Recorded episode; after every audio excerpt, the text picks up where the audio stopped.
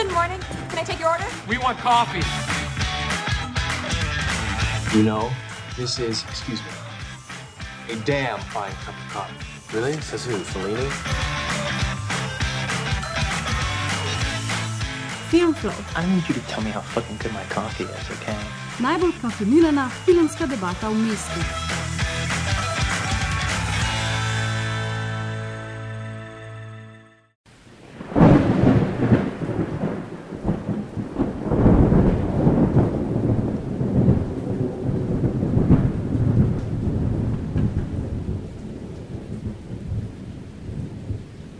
Drage poslušalke, cenjeni poslušalci, lepo pozdravljeni v oktobrski epizodi Filmflowa, ki bo tokrat odeta v toplo paleto jesenskih barv in von po pečenem kostanju. Današnji podcast snemamo na zadnji septembrski dan, ki je ponovem mednarodni dan podcastanja. Juhu. Tako da hvala vsem ljubiteljem podcastov, ki podpirate našo malo, a raznoliko podcastersko sceno. Dokler bodo dobri filmi, bo tudi film. Ja, Uh, Festival slovenskega filma, ki vsako leto septembra poteka v Portorožu, je na nek način prvi znanilec pestre filmske jeseni.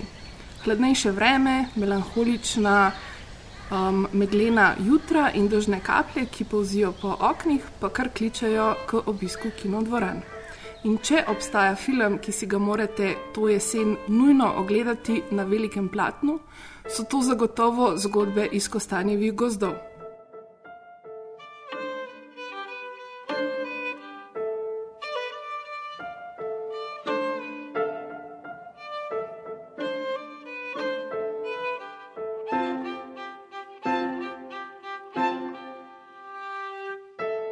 Ta film je premiero v začetku septembra doživel v sekciji Discoveries na filmskem festivalu v Torontu. Kmalo zatem pa smo ga lahko videli v tekmovalnem programu Festivala slovenskega filma.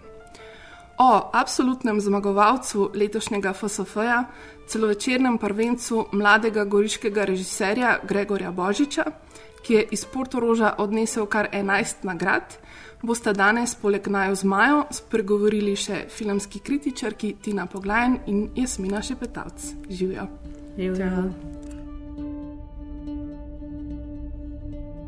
Mene takrat seveda ni bilo tam. Zgodbo sem čuduh let potle. Lahko bi jim rec pravca, a kaj šam bo težko vervu, kar bom povedal.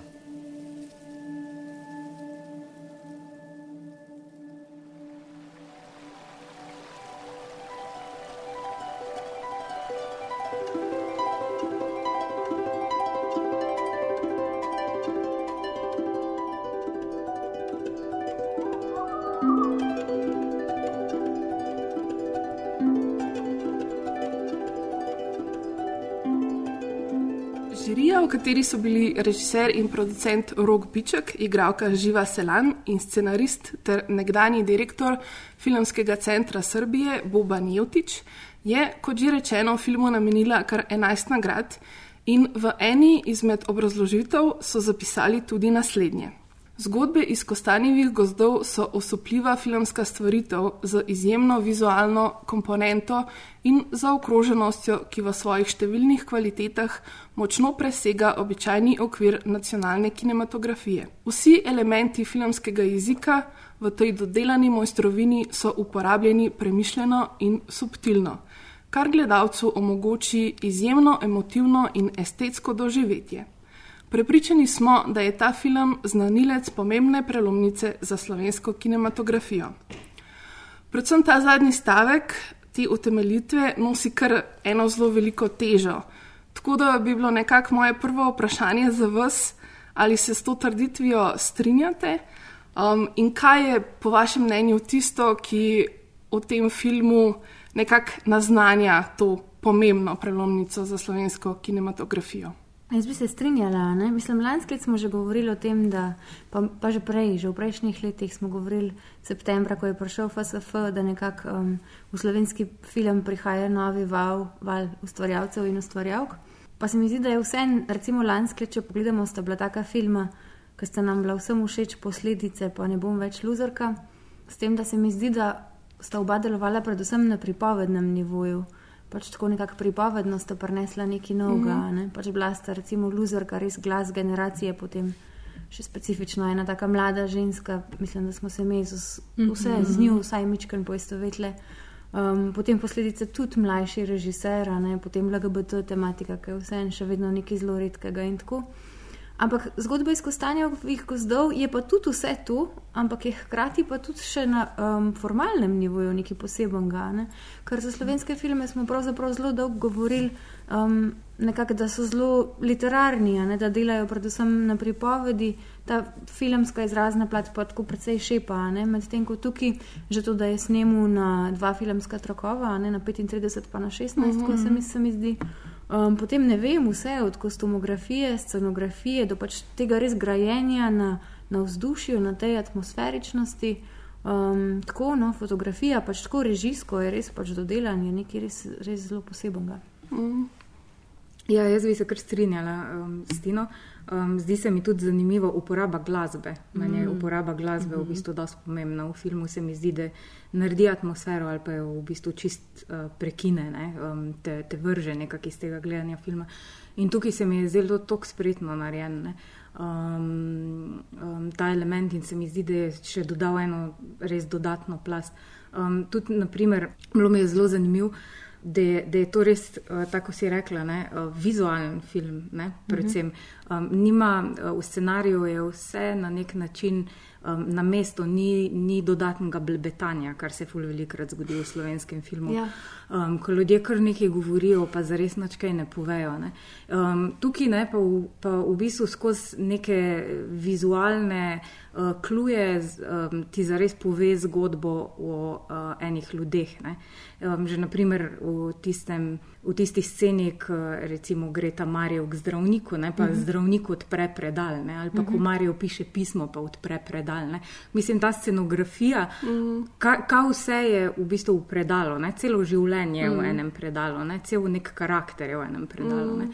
Tako da to se mi zdi, da je v bistvu bilo um, res super narejeno uh -huh. pri tem filmu. V smislu tona, ne pa šlo, ne vem, ali bi mu rekel magično realističen, ali kako bi mu rekel, ampak tako nekako te fantazijske vložke, kot so te recimo trije duhovi, trije kralji, ne, to je nekaj, -hmm. česar res pravzaprav še nisem videla, če se podobnega v slovenskem filmu. No, ne vem, mogoče se zdaj jih trenutno ničesar ne spomnim, ampak nekako ni tukaj tega preskakovanja tudi na različnih ravneh pripovedi, ni, ni, ni pravzaprav tako pogosto. Mm -hmm. Jaz bi se tudi ja, strinjala z vama, ker um, mislim, lahko bi rekla, da v bistvu vsako leto na FSF-ju prinese nekaj novega, neko, um, neko novo odkritje. Nek, uh, ne vem, tudi lani, ko je v bistvu Urša postala prva režiserka, ki je dobila vesno za mm -hmm. pač režijo, in, oziroma za ne za režijo, za vesno za najboljši film, mm -hmm. uh, je bila neka, v bistvu neka prelomnica. Ne? Ampak tukaj govorimo res na nek drugačen način o tej prelomnici, čist v smislu, kot ste omenili, ne filmskega jezika in um, pač naradi. Pač filmske naracije in tega, kako v bistvu pač neko zgodbo sploh povedati s filmom. Uh -huh. In se mi zdi, da ta film ravno tukaj um, pač naredi ta absoluten presežek. Mislim, meni je bilo ful zanimivo, ko bi se sem gledala pred kratkim, uh, sem gledala tudi um, en video um, na YouTubu od enega. Um, Uh, od enega poznavalca Tarkovskega, ki je pripovedoval o tem, kako je bilo, ko je prvič gledal film Solaris. Bil je star 12 let in ko je, šel, ko je prišel ven iz kina po ogledu filma, se mu je zdelo, da zna govoriti rusko, zato ker se mu je zdelo, da je razumel vse, kar se dogaja v filmu. In jaz moram reči, da sem imela pri tem filmu zelo podoben občutek. Zaradi tega, ker tako um, film. Je v bistvu napisan v enem zelo zanimivem jeziku, tako meša pač se neko narečje, italijanščina, malo slovenščine. In dejansko Kukr, mislim, jaz se sploh ne spomnim, da bi brala podnapise. Um, uh -huh. um, ampak nekako sem imela občutek, ko sem prišla ven iz kino dvorane, da sem razumela vse, kar so oni govorili. Ne glede na to, da ne znam italijanščine, uh -huh. ampak nekako sem imela res ta občutek, da mi je film povedal vse, kar rabim vedeti, kar je pa seveda naredil pač skoraj v celoti z neko vizualno um, sliko. Uh -huh. Absolutno. Vi ste vse ful prizornesljive do te izjave. E, meni je pa sam najbolj, ker ne vem, če ste dojeli, kako je uh, žirija tako naredila rahu. Uh, Uh, kako naj slovensko se pravilno izrazim, podjeb, kao vsem ostalim, da je to nadstandardni izraz za, uh, za nacionalni film in je pač basically industrijam rekla, le se. Tako bi mogli vsi filmi izgledati, ne ker vsi ostali delate kar nekaj. Uh -huh. To si zdaj bom zdaj jaz dovolila, ker sem tle lajčna gledalka in absolutno nisem ne filmska kritičarka in tudi če me bodo pizdili iz uh, slovenske filmske scene, naj me. Ampak. Um, to misliš na ta, da um, močno presega ja, običajni okvir nacionalne kinematografije? To je taka medvrstična. Ja, čeprav se mi zdi, da tukaj tudi eh, se nanaša na to, da je film dejansko koprodukcija, okay, da je ja, zelo veliko ustvarjalcev, sure. um, pač prihaja skupaj, ja, skupaj iz Italije. Ja, ja. Iz, um... Drugače pa pač ta film je res tako perfekten, da si zasluži, da ga, da ga ljudje tako fej izgledajo, kot smo gledali letos polet, fucking uh, Bohemian Rhapsody ker je pač perfekten v vseh teh stvarih, ki ste jih izpostavili. Jaz se strinjam, da je tukaj v tej obrazložitvi taka bodica slovenskemu filmu, ampak se mi, mislim, tako, se mi zdi to zelo pričakovano, ker se mi mm. zdi, da mm. sploh mi, mlajša generacija in filmarjev in kritikov in filmark in kritičark in pač tudi drugih ustvarjalcev in ustvarjalk, da smo pač res frustrirani. Mm -hmm. S temi desetletji slovenskega, s temi res parimi desetletji slovenskega filma od leta 92, ko je pač bil ustanovljen slovenski filmski sklad. Tako da se mi zdi, da vsake toliko časa nekje že more priti do enega izbruha, te, te nore frustracije, ki jo pač imamo vsi vse. Pa, Kljub temu, da pač seveda nočemo zapasti v klišeje in seveda, da je slovenski film ena taka sintagma, za katero vsi lajki rečejo, da ja, je to nekaj res bedenga. Mi pa rečemo, ampak ne, mogoče ne, sej, a ste kaj gledali. Ampak V resnici pa ne vem, komu, kdo od nas bi pa rekel, da mu je slovenska kinematografija res zelo pri srcu. Izbrana, izbrana slovenska kinematografija. Ali pa najljubša od. Ena izmed najljubših nacionalnih kinematografij. Top 10 svetovnih nacionalnih kinematografij. Ja. Mislim, vsaj za nas, mislim, mm. tako jaz lahko rečem, da jaz osebno, do, mislim, mogoče do lanskega leta. Tako jaz nisem imela ničesar, s čimer bi se lahko poistovetila v mhm, slovenskem mm -hmm, filmu. Strinjam, ja. In je, tako mi je bilo ena, v enem takem čudnem precepu, si, ker hkrati odraščaš v tem okolju in naj bi bile to zgodbe, ki te naslavljajo in pač zgodbe, ki se tičejo pravzaprav tvojega življenja. In to, kar gledaš, je en bizaren konstrukt, ker sploh ne veš, odkje so ga te ljudje potegnili in hkrati mene fulkrat tudi užalo in mm -hmm. Tako da mislim, jaz tudi bodico totalno, totalno razumem. ja, ko stanjeve žice. ja.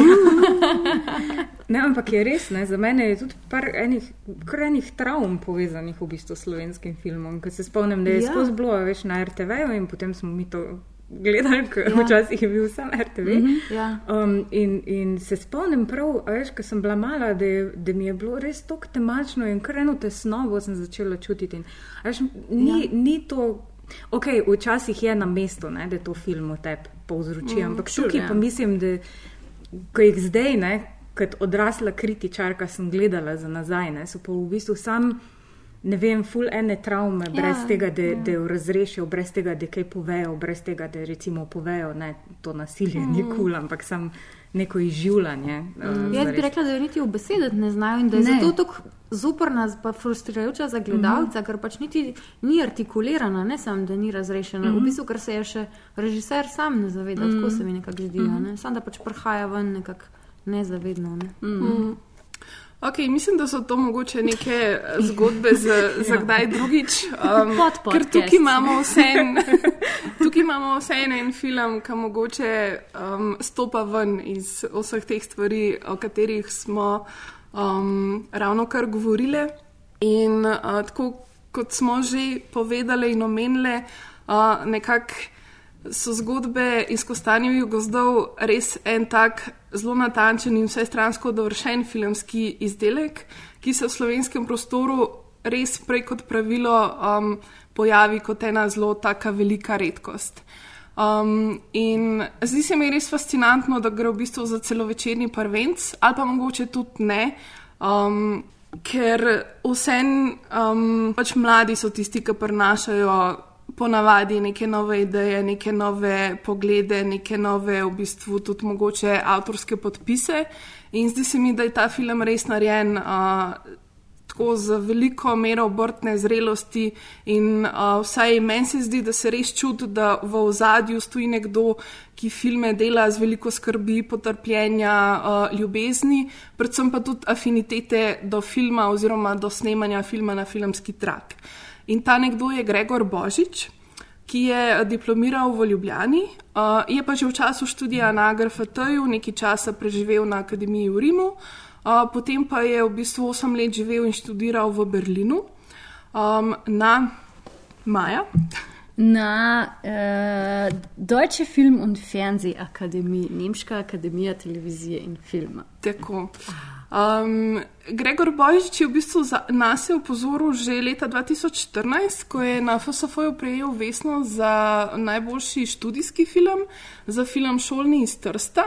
Zgodbe iz Kostanjevih gozdov pa so v bistvu tudi njegov zaključni magistrski film, če sem jaz to prav um, uspela ugotoviti iz vseh teh uh, zapisov. Um, me pa mogoče zanima, tako, če ste vi Gregorja že prej poznali, tako ste kaj spremljali, kaj dela in če vas je ta film mogoče ne vem, uh, presenetil. Ne vem, tako. Jaz nisem slišala za Gregorja Božiča, sem pa slišala za Marino Gumzi. Uh -huh. Pa tudi se bi mi zdel prav, da tako, vsaj, mislim, da tudi ona dva pravzaprav sta napisala na film avtorja filma, da sta oba. Uh -huh. In pravzaprav tudi se mi zdi, da sta na tiskovki um, v Portorožu, da sta govorila o tem, da koliko je avtorstvo v smislu, da je to režis, samo režiser, nekako zelo nekako tako arhajično dojemanje. Mm -hmm. Um, ker nekako pač ja izvira tam iz, um, iz 60-ih, pač iz avtorske teorije 50-ih in tako. Ampak v resnici, da je film tok nekak skupinski projekt, um, mm -hmm. da je malo nepošteno, ne govoriti mm -hmm. samo o enem človeku. Ampak v tem, dobro, ampak v, primer, v primeru tega filma se mi zdi mogoče, da je še posebej tako, ker, res, ker sta res ona dva toliko časa skupaj pisala scenarija, ne, ker mislim, da so vse odločitve nekakih, jih, tako sem jaz to dojela, ne, da prihajajo od njih kot, kot od ekipe. Mm -hmm. um, tako da, kaj pa vem, tudi pri prejšnjih filmih mislim, da sta ona dva sodelovala, tudi te šolni strsta, pa še en. Mm -hmm. Eh, še en kratki film je bil. Tako da jaz sem v bistvu slišala za Marino Gumzi. No? Um, recimo tudi v okviru teh prodornih producentov, drugače pa ona dramaturginja. No? In je mhm. dobila tudi za to nagrade, to sem zdaj sicer svedla, ampak um, ja, v okviru teh prodornih producentov sem pa slišala, da je ona izmed, ena, ena izmed gonilnih sil te mhm. podsekcije tega društva.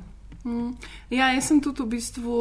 Um, mogoče najprej Marino poznala, z njo smo se tudi pogovarjali o enem izmed naših zgodnejših podcastov. Uh -huh. uh, ko smo se pogovarjali o delu producenta, um, je bila tukaj naša gostja skupaj, skupaj s Katjo Lenarčič. Uh -huh. um, pa v bistvu um, ona je res uh, producirala v bistvu ene par meni tako res ljubih slovenskih filmov, med njimi uh, recimo uh, Playing Man od Matjaža Ivanišina, pa Hiške, ki sta jih naredila uh, Matjaš Ivaniš in pa Darko Sinko.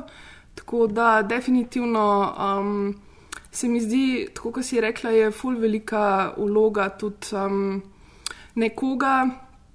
Ki zna prepoznati neko dobro zgodbo, in kot vemo, je ta film nastajal res zelo dolg čas, ne? mislim, da nekih sedem let in da ti imaš potrpljenje in energijo in vizijo, da nek tak projekt uh, sploh s takimi finančnimi sredstvi, kot so na mhm. voljo v Sloveniji, spelješ, je res um, v bistvu ena zelo, zelo velika stvar. In mislim, da Marina je um, tak človek, ki res dela uh, tako stvari um, počasi in premišljeno in zelo skrbno, in se mi zdi, da se to v, v, pač pri delih, kateri, mislim, pri katerih je zraven njeno ime, absolutno ful pozna. Mm. Je pa meni vse jih presenetilo to, kar si povedala in zelo napisala v scenariju, da je to njegov magistrski film, ker se mi zdi sam tako mega fascinantno, da nekdo lahko zaključi faks s filmom, ki dobi 11 vesen pol. Mislim, tako čista koncept tega. Tako, uh -huh. To me spominja na une zgodbe, ki se pač urbane legende, ki pravijo, da je kva, um, Steven Spielberg za svoj študijski film Schindlerjev seznam podtaknil, zato da se je lahko na faksu pisal. Pač te neke scene pač na ta način. Ker se mi zdi res tako dovršen, da. Aj, pa se jaz, da on ni nek novi človek na področju filma, in tako že fuldovca. Ta dela pa ima izkušnje, ne, in glede na to, da sta oba skupaj sedem let scenarij razvijala, mi je pol jasno, zakaj je to dovršen film. Uh -huh. Tako da ja. Ampak, uh, lej, za, jaz sem tukaj glas poprečnega slovenskega gledalca in na, odgovor na vsa tvoja vprašanja je ne. Za tega človeka še nismo slišali, nič ne vemo. To bi bilo nujno treba zvedeti več. Ker sem mal danes malo pogooglala, pa tako frustrirajoče, ker so samo PR članki iz FSF-ja v smislu tega, hm, zmagajo ta film, dobijo nas misel in potem ena ta izjava. In tako, ja, ja, ima da b, razumem, da mi več informacij. I need more. Ja. Je pa raziskoval stare sadne sorte mm. na gorišču. Ja, ja. O tem obstaja en dosti poglobljen intervju. Ali je to tako? Ja. No, lahko, lahko zveš pač veliko o njem kot o, o pomologu, se pravi o strokovnjaku za sadne sorte, oh. ne pa tako zelo velik zaenkrat še o tem. Um, pač. uh, njemu kot filmarju, oziroma yeah. avtorju, režiserju. Wow, okay. Ampak meni se zdi, recimo, ker si pač to rekla, zdaj pa on dobo 11 nagrad na na FSF-ju, da pač te vesne so tako dosti nekakšna politična stvar na FSF-ju, v smislu, da izražajo doskrat nek upor. Ne? V bistvu ja. na zadnje se je to zgodilo lih prejšnjič, kaj je bil v žiri tudi rok bičaka. In je pač glavno nagrado dobil, vse vemo, ne kratki film. Mm -hmm. To je bilo ja, takrat, ja, ja. pred, pred tem, ko so potem spremenili pravila. Ja, pol je pa še enkrat dokumentarni film, pa so pa še še še še. In se mi zdi mogoče podobna stvar, kot kar, um, kar se je zgodilo letos v Puli z Diano Budisavljeviča, ne? ker pač pravzaprav je ta direktor festivala v Puli pač res programiral tako dosti konservativen program, otvoritveni film je bil ta ugotovini in tako. Um, in potem, ko je žirija pač nekako naredila en statement s tem, da je pač dala vse nagrade, skoraj in nagrade občinstva, je tudi tu bil film Dnevnik Dijane Podisavljeviča. In mm -hmm. se mi zdi, da se doskrat zgodi, pač, kaj je tako, kaj je festival. Ki ima določen sloves, da se potem pač ta politika žirije, pač nekako, da se da brati tudi komentar mm. na to. Ja, mm. mislim, tudi meni se to zdi precej um, jasno, da, da so te nagrade vsekakor zaslužene. Vsekakor pa so tudi en zelo močen um, Čakaj, statement. Nagrade občinstva pa valjda podeljuje občinstvo s svojimi glasovi. Ja, na FSF je ponad občinstvo velika večina. Mm. Ja, ste vi, mislim, ste vi pač. Ja, je stroka. Ne? Stroka, slash, malo random mm. ljudi. Ja, okay, okay, ja. ja, vsekakor mislim, da je nagrada občinstva. Um, ena izmed teh nagrad, ki na nek način ustvarjalcem zagotovo največ pomeni, da je njihov film bil tudi na, na ta način sprejet. Ja, ved, največ um, glasov od naj, najširše množice mm, nabere skupaj.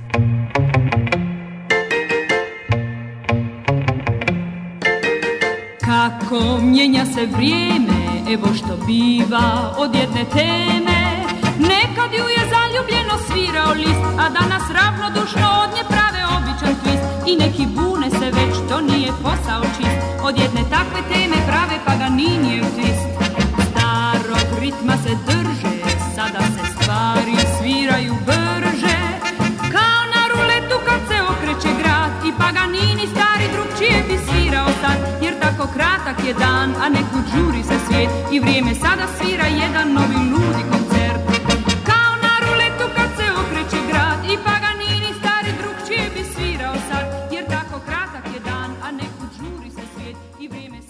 se mi zdi, da je res ena od največjih odlik filma zgodbe iz Kostanjevih gozdov prav ta, da so vsi filmski elementi res v nekem takem harmoničnem soglasju. Um, pač vsi ti elementi uh, pač gledalcu res nudijo eno izjemno estetsko doživetje, ko gleda ta film. In tudi zato bom še enkrat rekla, da si pojete ta film res pogledati v kino.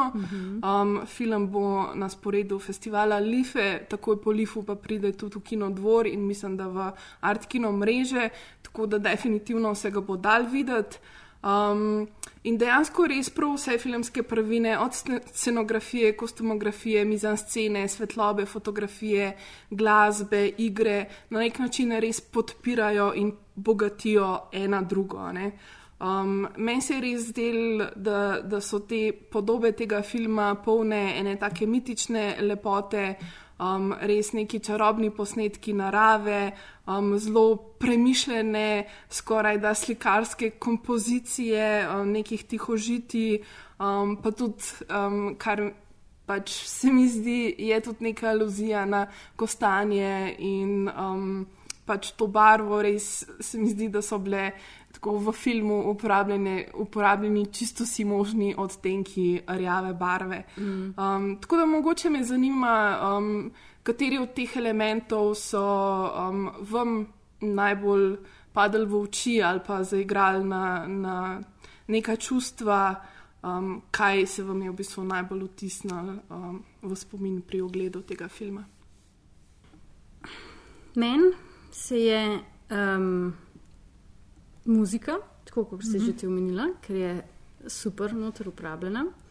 Pa nekaj, kar v bistvu mogoče niti ni zdaj za res povezano s filmom, se, ampak pač jezik, ki ga noter govorijo, od italijanščine do, do slovenščine, do narečja, ki, govori, ki ga govori ta zgubljeni sin. Um, In je, se ful strinjam s tem, kar si ti rekla, da nekako tako skozi vse te različne elemente noter padeš v jezik, da sploh ne veš, da poslušaš italijanščino ali pa karkoli drugega. Um, pa ta. Pa ta ena tako zanimiva brezčasnost, ki se noter v filmu pojavlja. Jaz sem Film je na začetku precej jasno situiran zgodovinsko v pač neko to postmedvojno, vse po vojno, po ja. vojno vse se razseljuje, mm. vsi grejo stran, vse propada, vse je prepuščen, prepuščen samemu sebi. Ampak mogoče gre zaradi tega nekega magičnega realizma, pa teh ful velik lepih kadrov, narave, pa različnih teh stvari. Postane, je postal za mene film en tak prečasen, point, da bi se lahko dogajal komod tudi zdaj, tako v mm -hmm. tem času. Ker sem, ker sem dobila tako občutek, da je še zdaj tako tam na ta način, še zdaj so ti obučaji tam, še zdaj je ta kostan tam, še zdaj je ta pač mizar tam mir svojo umirajočo ženo v poslih. Tako res. Pa ne na tak anahronističen način, da pač kaj ven seka, ampak tako sam full zdaj je bil tako prezenten. Ne vem, mm. ne vem kaj točno na filmu mi je to naredilo, ampak, ampak to, to mi je bilo zelo, zelo evociralo mm. to. Pa full mi je bilo všeč, koliko je film v bistvu Čeprav je tako ful tragična zgodba, da jim tako rečeš, people die, people go away, ampak je tako ful nekako smešen mestom, pa že sem mene parkrat ful umirala, mislim, ful umirala od smeha in tako tak prisrčen tudi do, do določene mere, čeprav je ful tragičen in tako da meni je taka ta zanimiva dinamika tega. No. Meni je bila tudi zanimiva. Malkrat v bistvu pomislimo na kostumografijo, um, uh mhm. -huh. pa scenografijo, zaradi tega, ker je to neka kulisa, na kateri se film dogaja in potem niti ne opazimo čez dobro. Oziroma, tukaj tudi včasih je slovenski film Mečken Šepo, um, ker smo gledali druge filme na festivalu, pa smo se ravno o tem pogovarjali, zakaj zdaj ta človek sploh nosi to. Um, tu se mi je pa zdaj. V bistvu vsak element tok na nek način dodelan. Ne? In se spomnim, recimo, te scene, ker se film zelo veliko igra svetlobo. Ne na ta način um, ustvarja sploh to atmosfero, ne gre iz teme in potem kar naenkrat se usvetline, presvetline. Um, in se spomnim te neke scene, ko sedi ta mizar Marijo za mizo in je v temi, ne, takrat mu je že, um, je že bil soočen s smrtjo, pa z izgubo. Pa. Um, in potem kar naenkrat pride ta svetloba skozi okno in je na, na, na uh, mizi steklenica. Mm. In se v steklenici kar naenkrat vidiš, da ima v bistvu steklenica noter cvetove, ne, mm. um, urezane v steklo. Mislim, te neki mali elementi, ki se mi zdi, da so res tako dobro dodelani. In potem, ko začneš premišljati, koliko morajo ljudje zares razmišljati ne, o tem, um, da, naredijo ne, nekaj takega, da vsak vsak elementek stoji, pa ti nekaj pove. Ne? Se, se mi zdi res ja. fascinantno in hudo. Mm. Jaz sem dejansko tudi ful razmišljala o scenografiji, pa mm -hmm. nikoli drugačne. Ampak tako nekako prav. Um, Še iz tega vidika, no, ko sem razmišljala, da ta film je bil posnet za nek minimalen budžet. Mm -hmm. mm, in potem, če tako gledaš, je to pač ta zgodovinska drama, ne kostum drama. Mm -hmm. In je nekako pač res vse čist prepričljivo. In sem pomislila, da so to oni nekako, ker je pač božič dejansko iz tam doma, iz tam blizu, ali pač on si kaj sposodil, ko ga spoznal, kakšni starejši sorodniki, pač ti prostori mhm. dejansko, v katerih so snimali. Ne vem, vse tako nekako deluje čist, čist. In, um, ja. vem, tu, je pa to res, kot si ti prej rekla, da pa en tak feeling ustvari ta film, ne vem, pri meni pa mogoče ne toliko sedanjosti, ampak bolj ene take nostalgičnosti. Mm -hmm. V smislu, da ta čas, v katerem se film dogaja, je že mim, ampak potem je še en drug čas, ki je tudi v tistem času že mimo. Mm -hmm. Na koncu je nek prizor neke gostije, ki sta nek par, mož pa žena, uh -huh. pa je ful bogato obložena, mi uh -huh. pa tako vse je živo. In to je bilo mimo že v tem zgodovnem času, uh -huh. je to že preteklost. In ti si tako ful nostalgičen prizor in jaz sploh nisem vedela, zakaj, ampak ob tistem prizoru sem postala tako žalostna. Uh -huh. Pač skupaj, pa to verjete, mislim, to ni stvar enega posameznega elementa, ampak je pač vse skupaj. Ne? ne veš točno, kako si ti rekla, kaj ti sploh to naredi, ampak pač naredi ti. Ja. Ja. Tako to vzdušje, mislim, da je pač res ful, ja. ful močna platna. Po meni je v bistvu tudi zanimiva ta, kot je ena hm, ramen gešihte, oziroma ta okvir. Zato, ker v bistvu zgodba se tebi začne z eno tako mini naracijo v tem ljubkem narečju, da pač. Zdaj bom jaz to tako povedal, kot se spomnim, ni nujno, da je to tako. In, v bistvu, in pa skoraj ni naracije, ne? cel cajt. Na koncu, proti koncu, se še oglasi, ker v bistvu ti ugotoviš, da ti gled, poslušaš, gledaš zgodbo staršev od tega in pa v bistvu dojameš, da Saj tako sem jaz zdela, tako se ta sin spominja tega in ni nujno, da je vse zares. In, ne, zato je v bistvu odpre možnost tega magičnega realizma, mm. ki si on misli, ne vem kako, mm. kam mu mama umre, da ji pridejo koledniki pet in tako naprej, zato da pač ni tako sam najbolj mega depresivno, da ona tam je zgonjena mm. do smrti, ampak da jo pač pridejo počesati, pa pospremiti v, v smrt in tako naprej. In me to, ful, to me je ful noro, no, ta pač res okvir tega in res, res pač tako prav. Ja, nostalgija, mm. tako ful, ki jo v bistvu ne znam. Ja, meni se res zdi, da, da je tako. Mislim, res nimaš občutka, da je film ful zapolnjen z neko scenografijo, pa z nekimi elementi in predmeti, mm. ampak se mi pa zdi, da je res vsaka stvar, ki so jo izbrali, um, ima nek pomen. Pač, Um, se, se jo pokaže, se jo uporabi. Um, tako re, res je zelo um, na nek način ekonomičen, se mi zdi v, mm -hmm. v tem smislu. Zato, ker tako, um, ko premišljujem, um, tako se mi zdi, da se kar spomnim, tako skoraj vseh oblek, ki so jih ljudje nosili. Pa ne vem, tudi v bistvu ti prostori so bili dost preprosti na nek način. Ne? In, um, ja, potem pa imaš recimo te neke tapete v zadju, ki imajo ja. specifične vzorčke. Mm. Res je hudo. ja, pa tudi nekako je v narativo to upleten, ja. ker je on um, pač mizar, ki tudi opasa v bistvu te detajle, mm -hmm. ki jih zna ceniti um, in vse te stvari. Ne? Tako da pač druga stvar, ki pa mene, mislim, res mi je bila čudovita, so bili pa. Tudi posnetki narave. Mm. Um, oziroma, ne vem, zdi se mi, da je bilo zelo veliko nekih prizorov, um, ki se mi je zdelo, da jih tako nikoli še nisem videla. Mislim, te kostani, ki pač um, plavajo po reki in jih pojone dva mm -hmm. lovita. Um, potem, ne vem, ko si um, ta glavni ženski lik iz las um, mm -hmm. ven vzame neko to kostanje mm -hmm. vojožico. Tako res je bilo toliko enih um, lepih, nekih takih subtilnih elementov, ki so res pripomogli k neki tej in magični atmosferi in k nekemu občutku, ne vem, kdo so ti ljudje, na kak način živijo uh, skupaj v skladu z naravo. In, um, ne vem, pa eden od mojih, tako po moje, najlepših prizorov je, ko gledamo um, ta glavni ženski lik, kako v bistvu um, ob morju. Juj, sta, mm -hmm. To sem hodila reči. Ob morju prizor, hodi juj. neko, ko um, pač gre, da ko se gre, bo ja, ja. odselila. Tako divje morje. Ne? To mm -hmm. morje, ki je tako spihano od nekega vetra, tako wow, mislim, mm -hmm. ta podoba je tako nekaj najlepšega, kar sem videla zadnje čase, definitivno. Res, ej, če se strinjam, ko si začela govoriti, sem razmišljala, ja, pa to morje in pa že imamo to reči. Jaz se pa že v tem spomnim, ko si že umival prej obraz in, uh -huh. in mhm. se to morje nekako svetlikalo ja, v, v tej skledi, k, uh mhm. -huh. ne z vodo.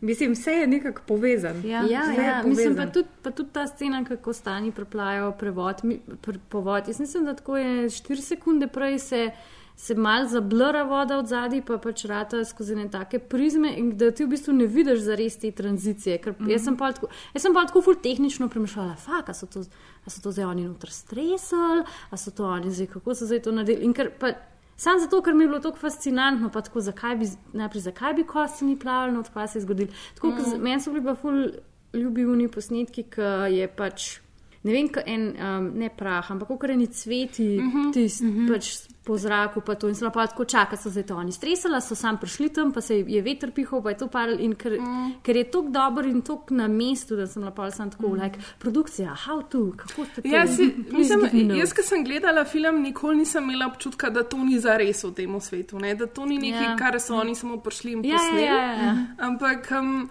V bistvu, zakaj si ti rekla, sem tako malo začela premišljati, da sam, so res mogoče kaj, pač, najbrž so, sigurno, ja, nekaj umetno mm, ustvarjali. Ampak ja, ta v bistvu. Stresel drevo, mm, da se je. Ja, ta, ta v bistvu, ki je kot sneg, no, ja, ki ja, ja. drevesa cvetijo, mislim, da so to topoli, ja. ki, ki cvetijo. To je tudi v bistvu uh, Filini, doskrat imel v svojih filmih. Govorim in njimi o tem, kaj je on doskrat snimal, je bilo ful velik teh topolov in ko mm -hmm. topoli imajo cvetijo um, res se gleda, da pada sneg in je tudi pač po cesti so tako um, beli kosmi. In, um, mislim, da, da, da je da bilo to, to, to, to, to ja. To bi se meni ta uvodna um, scena mi je tudi čist fascinantna, ko imaš v neko luknjo, ki zgleda kot pač nek, um, mm -hmm. grob. nek grob in potem noter te kostanje um, pograbijo in um, prekrijejo z listjem. In um, me res zanima, ali je to, mislim, kaj je to. Ali je to mhm. nek običaj, kaj, kaj s tem naredijo? Ja. Ja. Po meni je ta igra, uh, ta mora. Ja, mora, mora, mhm. mora kantati. Ja. 4, 5, 8, 9. Res, to, to mi je bilo tako hudo, se mi zdi, da nekako um, ujame to neko lokalno atmosfero.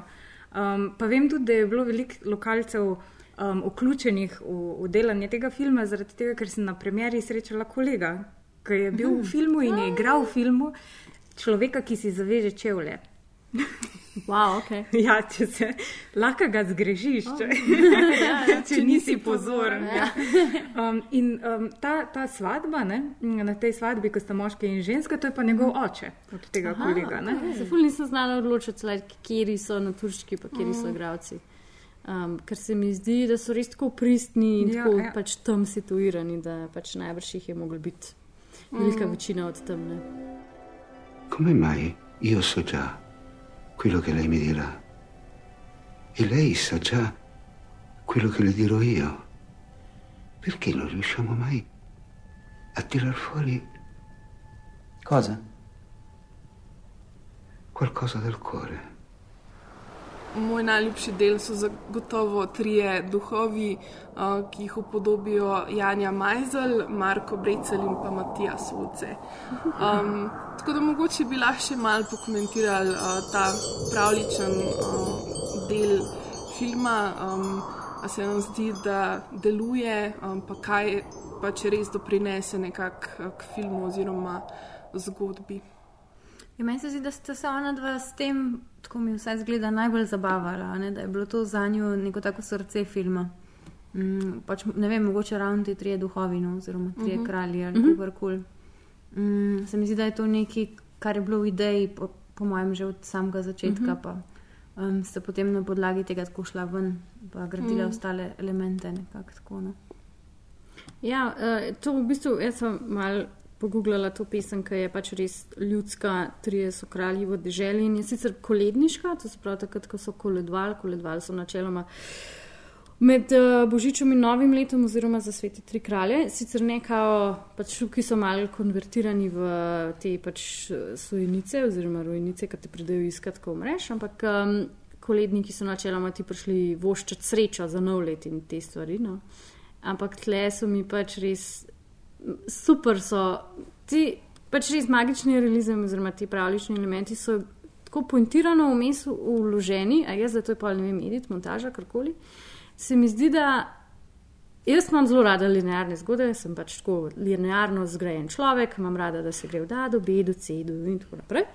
Ampak me tle prav zares nočni ven metal, ni me motil, vse mi je bilo tako dost flowy ja, razumem vse te neke, tudi ta ponavljajoči se motiv tega tifusa z zdravnikom, pa to mi je bil tako v duhu, v, v liniji vsega tega. In se mi zdi, da zanimivo bi bilo videti film. Oziroma, tako bom rekla, če ne bi bilo teh magičnih pravničnih elementov, bi bil po mojem film sam na polno tužen, pa pač morbiden, pa tako mm -hmm. za lase, pul že spet nek ta mm -hmm. klasični slovenski, zažili rezati vse bed.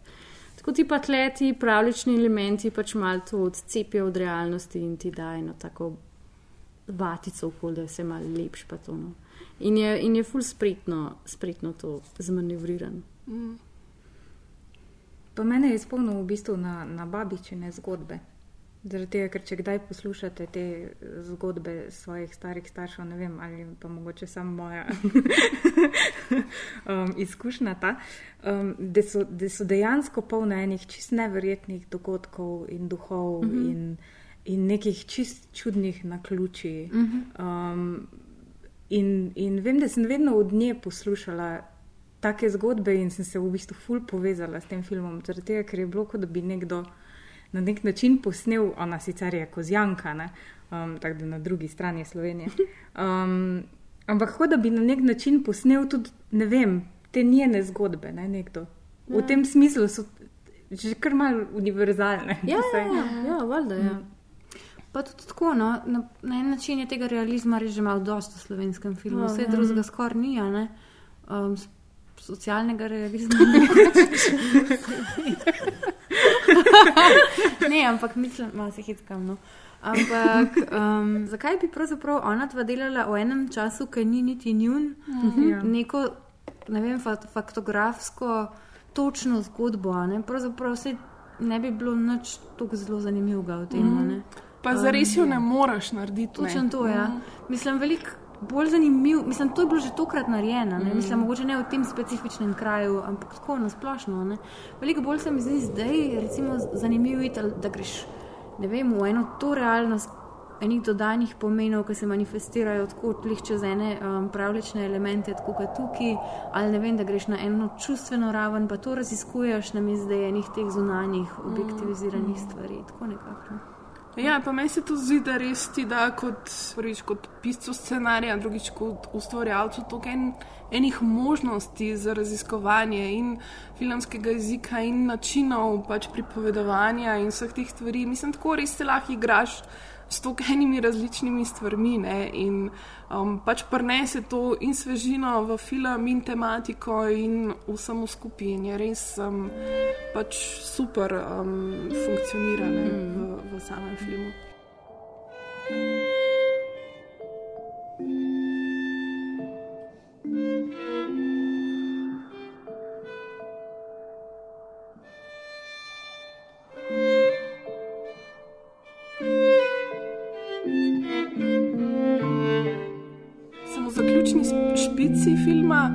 poleg tega standardnega zapisa, da v filmu ni bila zlorabljena ali poškodovana nobena žival, prebrala tudi, da je bila posebna pozornost posvečena zaščiti naravnih površin in energetskih virov. Kar sem saj jaz prvič videla na nek ta način uh, napisan na filmu. In tudi se mi zdi no, na splošno, da, da sam film, kljub temu, da je pravličen, da se v njem tudi čuti nek poseben odnos do narave. Pa me zanima, mislim, če ste tudi vi imeli kakšen tak občutek glede tega. Je zanimivo, da je to bilo napisano. Pa je zdaj to je odraz neke mlajše generacije in pristopa do vsega življenja, se ne moreš, ne moreš samo partikularno teh stvari delati ta čas, v katerem se film dogaja, je bil še veliko bolj povezan z naravo, pa veliko bolj so razumeli to, kako neposredno smo mi odvisni od tega, mm. da imamo naravo. In da jo moramo ceniti, da moramo z njo dobro in pametno ravnati. Mm, po drugi strani tudi ta tragika, da v bistvu ne glede na to, koliko bogatstv naravnih imaš v tem tlele v kostanjih, v bistvu zares ne moč več od njih preživeti, ker pač enostavno ne dela več tako hitro. Vse pač mislim, da ji Marijo reče tej Marti, da pač le koliko imaš le kostanje, lahko bi spekla, pa šla v mesto, pa ful zaslužila, ampak nekako ta cikl, ta krok tega ne teče več. Ne? Tako da mislim, da neposredno, ja, pač izraža že spet neko nostalgijo, neko tragiko tega, kar, kar smo mi naredili tle, v tem mm. prostoru. To je ful lepo, da se o tem razmišlja tudi v bistvu ne samo ne vem, pri tem, kakšne avtomobile bomo vozili, pa ne vem. Um, Tako, kako bomo skrbeli za vode, tako, ampak tudi, da se ta mentaliteta res prenese na vsa področja mm. življenja in da je to zavesti tudi pri nečem takim, kot je delanje enega filma. In se mi to zdi ena zelo taka pozitivna stvar.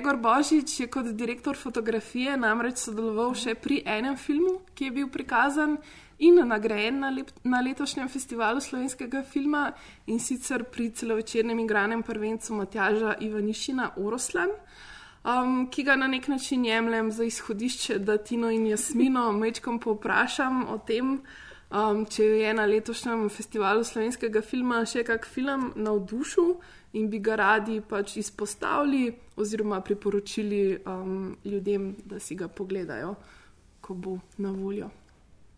Mislim, jaz lahko rečem, um, da je letos bilo zanimivo to, da v prejšnjih letih smo se veliko pogovarjali o tem, da ni uh, žensk uh, v slovenskem filmu, ne? praktično v nobenih poklicih. Ne? In tudi veliko smo se pogovarjali o reprezentaciji žensk. Uh, Um, letos se mi je pa zdelo, da je bilo kar nekaj režiserk, ki so predstavljali svoje filme, tudi v tekmovalnem programu. Um, in tudi enih takih simpatičnih podob no, um, žensk, naprimer že v mladinskem filmu. Um, Moj, Moj dedi je padel z Marsa, um, je protagonistka um, punca, ki uh, v bistvu gre reševati svojega dedija, uh, ki so ga ugrabili vesoljci.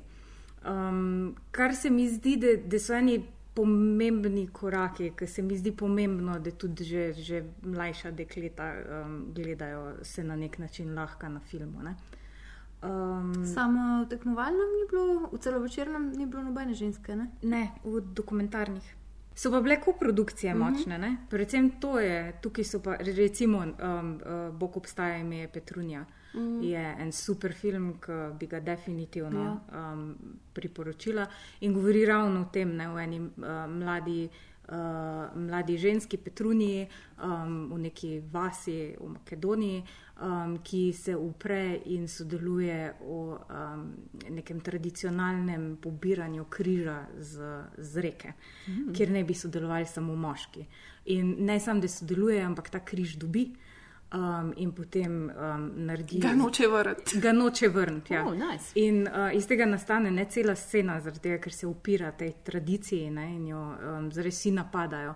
Um, tudi režiserka tega filma ne, je mm -hmm. ženska. Um, Tako da uh, mislim, da, da se je tukaj mečken, ne se popravlja. Sploh v koprodukcijah se mi zdi, da se pozna uh, Um, da so eni fully zanimivi filmi letos bili. No? Mm. Jaz sem pa tukaj dobila res malo drugačen feeling. Tako lansko leto mm. se mi je zdelo, da je bilo res veliko govora o tem. Pa smo tudi imeli nekaj zanimivih filmov, avtorc. Mm. Letos pa kukar, da je malo vse potihnilo in celo večernem. Celo večernem slovenskem je. Ni bilo nobene, ja. režiserke, a v dokumentarnem je bila, jaz tudi mislim, da ne.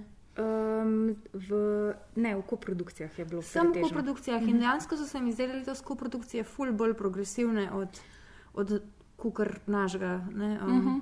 ja. programa. In, ja, Verjetno se, res, ja. Ful se strinjam glede tega filma, Bog se. Bog mm. obstaja, ime je Petrunja. Tudi Igor in Rosa, recimo. Pa je, Igor in Rosa, ja. Katja Culja.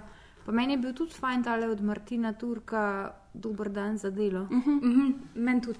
Uh, sploh, Um, ne zaradi tega, ker otvoriteljni film je tudi govoril o podobnih stvarih, ne v nekem ja.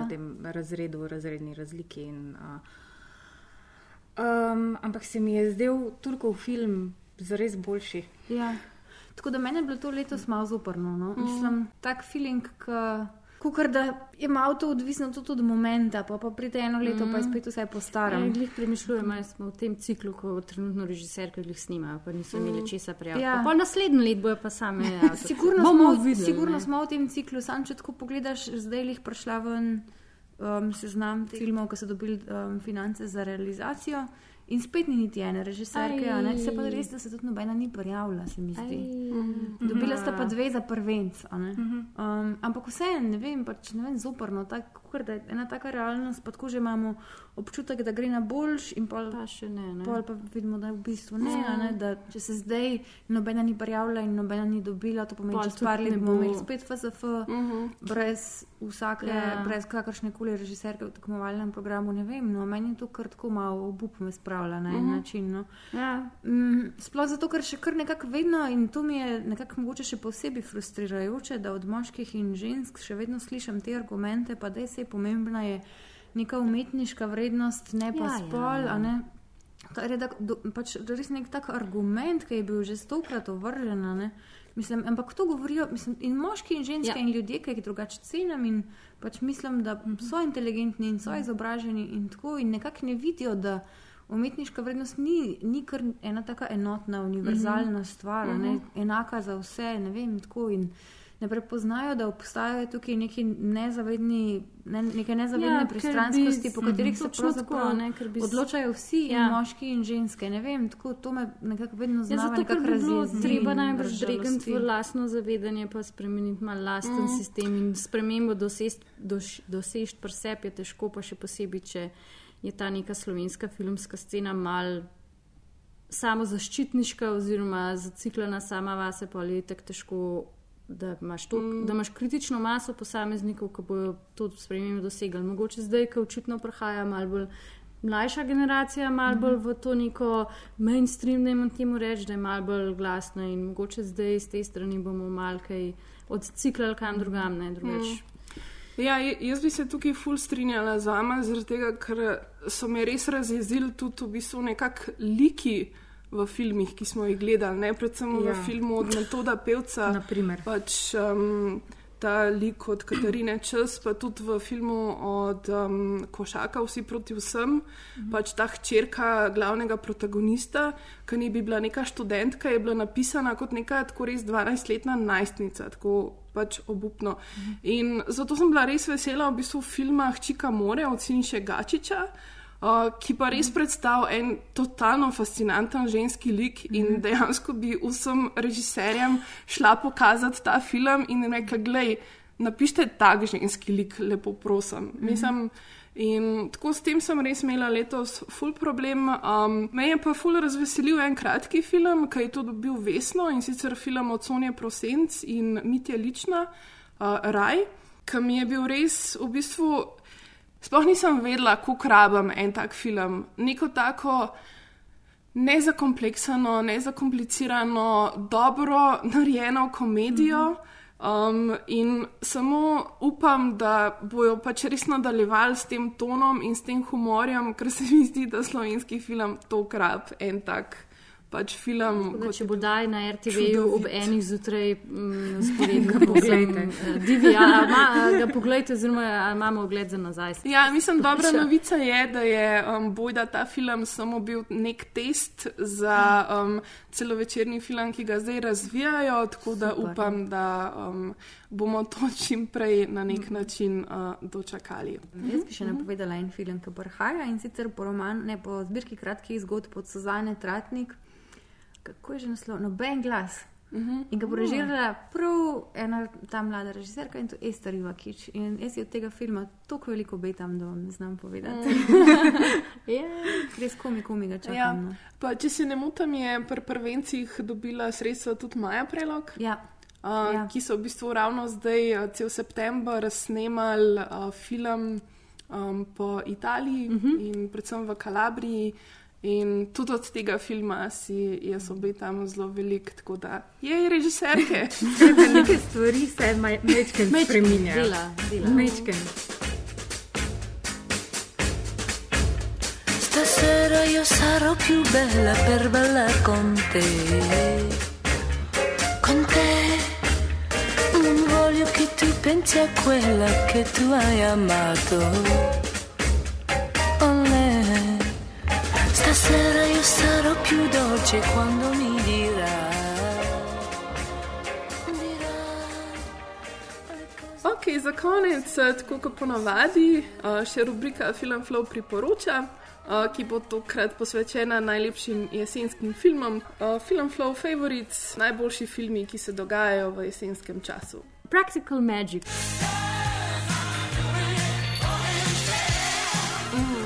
Točno tega nisem Čudovito, sorry, lahko ti še kakšnega drugega seznama.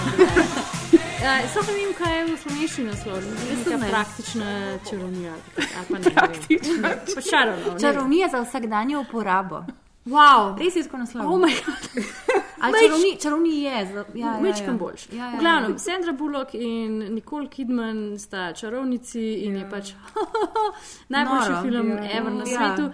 Um, ob tem filmu sem jaz prvič, ampak to šele ne dve let nazaj, spoznala, kva dejansko ljudje govorijo skozi, ko govorijo o tem, da representation matters, ker sem ga ene dve let nazaj prvič po ne vem. Stotih letih gledala in sem bila tako, oh, wow, le kam nikoli kidman rdeče lase. Ja, rdeče lase. Wow, zato je bil meni ta film tako všeč, ker sem jaz skozi bila ona zaradi rdečih las in mi, in me je tako potegnila in me je tako v, v lastnem telesu mi je bilo tako, a ja. A ja, to je ta representation, ki ljudje. ke Do zdaj sem jaz tako, ja, razumem teoretično, hm, ja, pomembno, tle se mi je pa dotaknil. In zdaj zmeram, kadar je ta film, sem kar tako, ja, pa mislim, da ga imam kar na kompu doma. Tako, Ja, to, to je ta ultimate feel good um, film. Ja, Res je, pa še ja. happy end ima, pa everybody lives happily ever after. Ampak meni je ta film ful iste vrste, kot še ene, dva ali pa trije drugi. Svrti zeleni pardižniki, čeprav ta je res bolj poleten. No? Mm, ali pa Jane Austen's Book Club. Ja, ja, ja, ampak ne vem, tak jesenski feeling ima, zato ker Mhm. meni je pač pri jeseni ful važen ta občutek nekega obdobja, pa ful Mhm. to, da se zaviješ v eno deko, pa piješ kakao. In pač te um, filmi pač so lih za to. Drugač pa jaz bi priporočila še najni mostov. Oh, Saj jaz ja. v resnici ne vem, če se dogaja jeseni, evo nisem preverila, oprosti Ana, ampak tako zdi se jaz mi, bi da tudi se. rekla, da ja. Vsekar, vsekakor ta film spada v to kategorijo, zavijem se v deko, pijem kakao Ja. in gledam film. Ja, ja, ja. Tako da mislim, da to um, absolutno lahko štejemo pod jesenski film. Um, jaz bi pa predlagala, tudi se ne dogaja samo jeseni, se pa tudi jeseni, uh, čez vse letne čase. Um, Little Forest, 고향은 언제나 좋다. 오래된 친구들도 있고. uh, ki je korejski film. Um, in um, spremlja eno dekle, ki se v bistvu vrne um, domov v ruralno okolje, um, in potem um, od tega, da spomladi posadi ne vem, solato in paradižnike. Uh, Po mojem, da je Sanja Struna, Pa je ful Sanja, zagovornica ja, ja, ja. tega filma. Be, Um, um, zato, ker neki dela, pa vsak pač ja, če sedi in pol stvari. Skozi Ja. ja. te recepte, skozi vsake letne čase, kaj na kuhinji. Ja, so ja, recepti ja. in potem Ja, jeseni vzame kakije in da kakije sušiti. kostan. In kostan, in kostan, ki ga naredi v takem sirupu. In to je čisto hodo. Tudi ful tak film, ki ti tako to po občutek naredi. a ne? Ja. Meni je v bistvu eden najljubših jesenskih filmov, je um, ena precej neznana črna komedija od, od Alfreda Hitchcocka, um, Težave s Harryjem, The Trouble with Harry, ki spada pač v obe kategorije, v ta film, ki ga je super gledati na nek tak um, pač deževen jesenski večer in hkrati pač se film dogaja v, v jeseni, tudi zelo znan je potem, da, um, da je Hitchcock si ful želel ta film snemati v Novi Angliji, ki je ena najlepših um, lo, lokacij za snemanje jesenskih filmov. Um, ampak so imeli precej težav pri tem, zaradi tega, ker um, pač ko so septembra hoteli tja snemati, je v bistvu glih dva dni prej um, pač to mesto, kjer so imeli namen snemati, zajel nek full um, orkan in je v bistvu vse listje odpadlo dol iz dreves. Tu so pol scenografi imeli full velik dela, ker so mogli liste limati nazaj. Zakaj gor se jaz to spomnim, da so tudi Ti že enkrat pravila. Um, tako da ja, to je definitivno um, eden mojih najljubših jesenskih filmov. Um, bi pa mogoče omenila še um, en film, ki sem ga gledala, ko sem bila na, um, prvič na festivalu um, v Londonu in sicer film The Falling britanske režiserke Carol Morley. You are not to fraternize with any of these girls. Who was the first person in your age group to show symptoms? Ki je pa postavljen v bistvu na začetek šolskega leta uh, in se dogaja v nekem um, pač dekliškem internatu, kjer razburkana čustva in podivjani hormoni na nek način povzročajo um, epidemijo medlevice. Carol Morley definitivno um, raziskuje obrebujanje ženske seksualnosti in posledice zanikanja leti.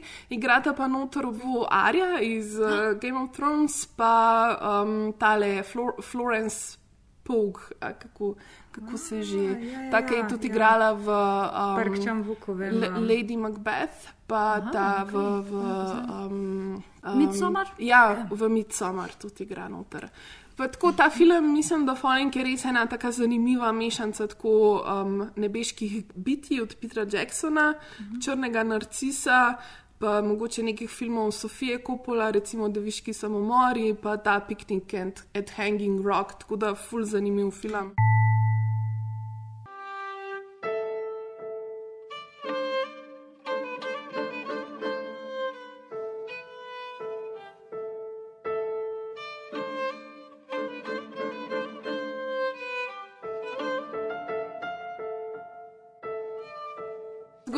Kostanjevih gozdov bodo na ogled na Ljubljanskem mednarodnem festivalu LIF od 25. novembra dalje, pa prihajajo tudi na redni spored Kinodvora in Art Kino mreže Slovenije. Tako da ne boste rekli, da niste vedeli, pojdi gledati v kino. Vidimo se v kinu, slišimo te pa nasle v naslednji oddaji. Bye! Bye! Ciao.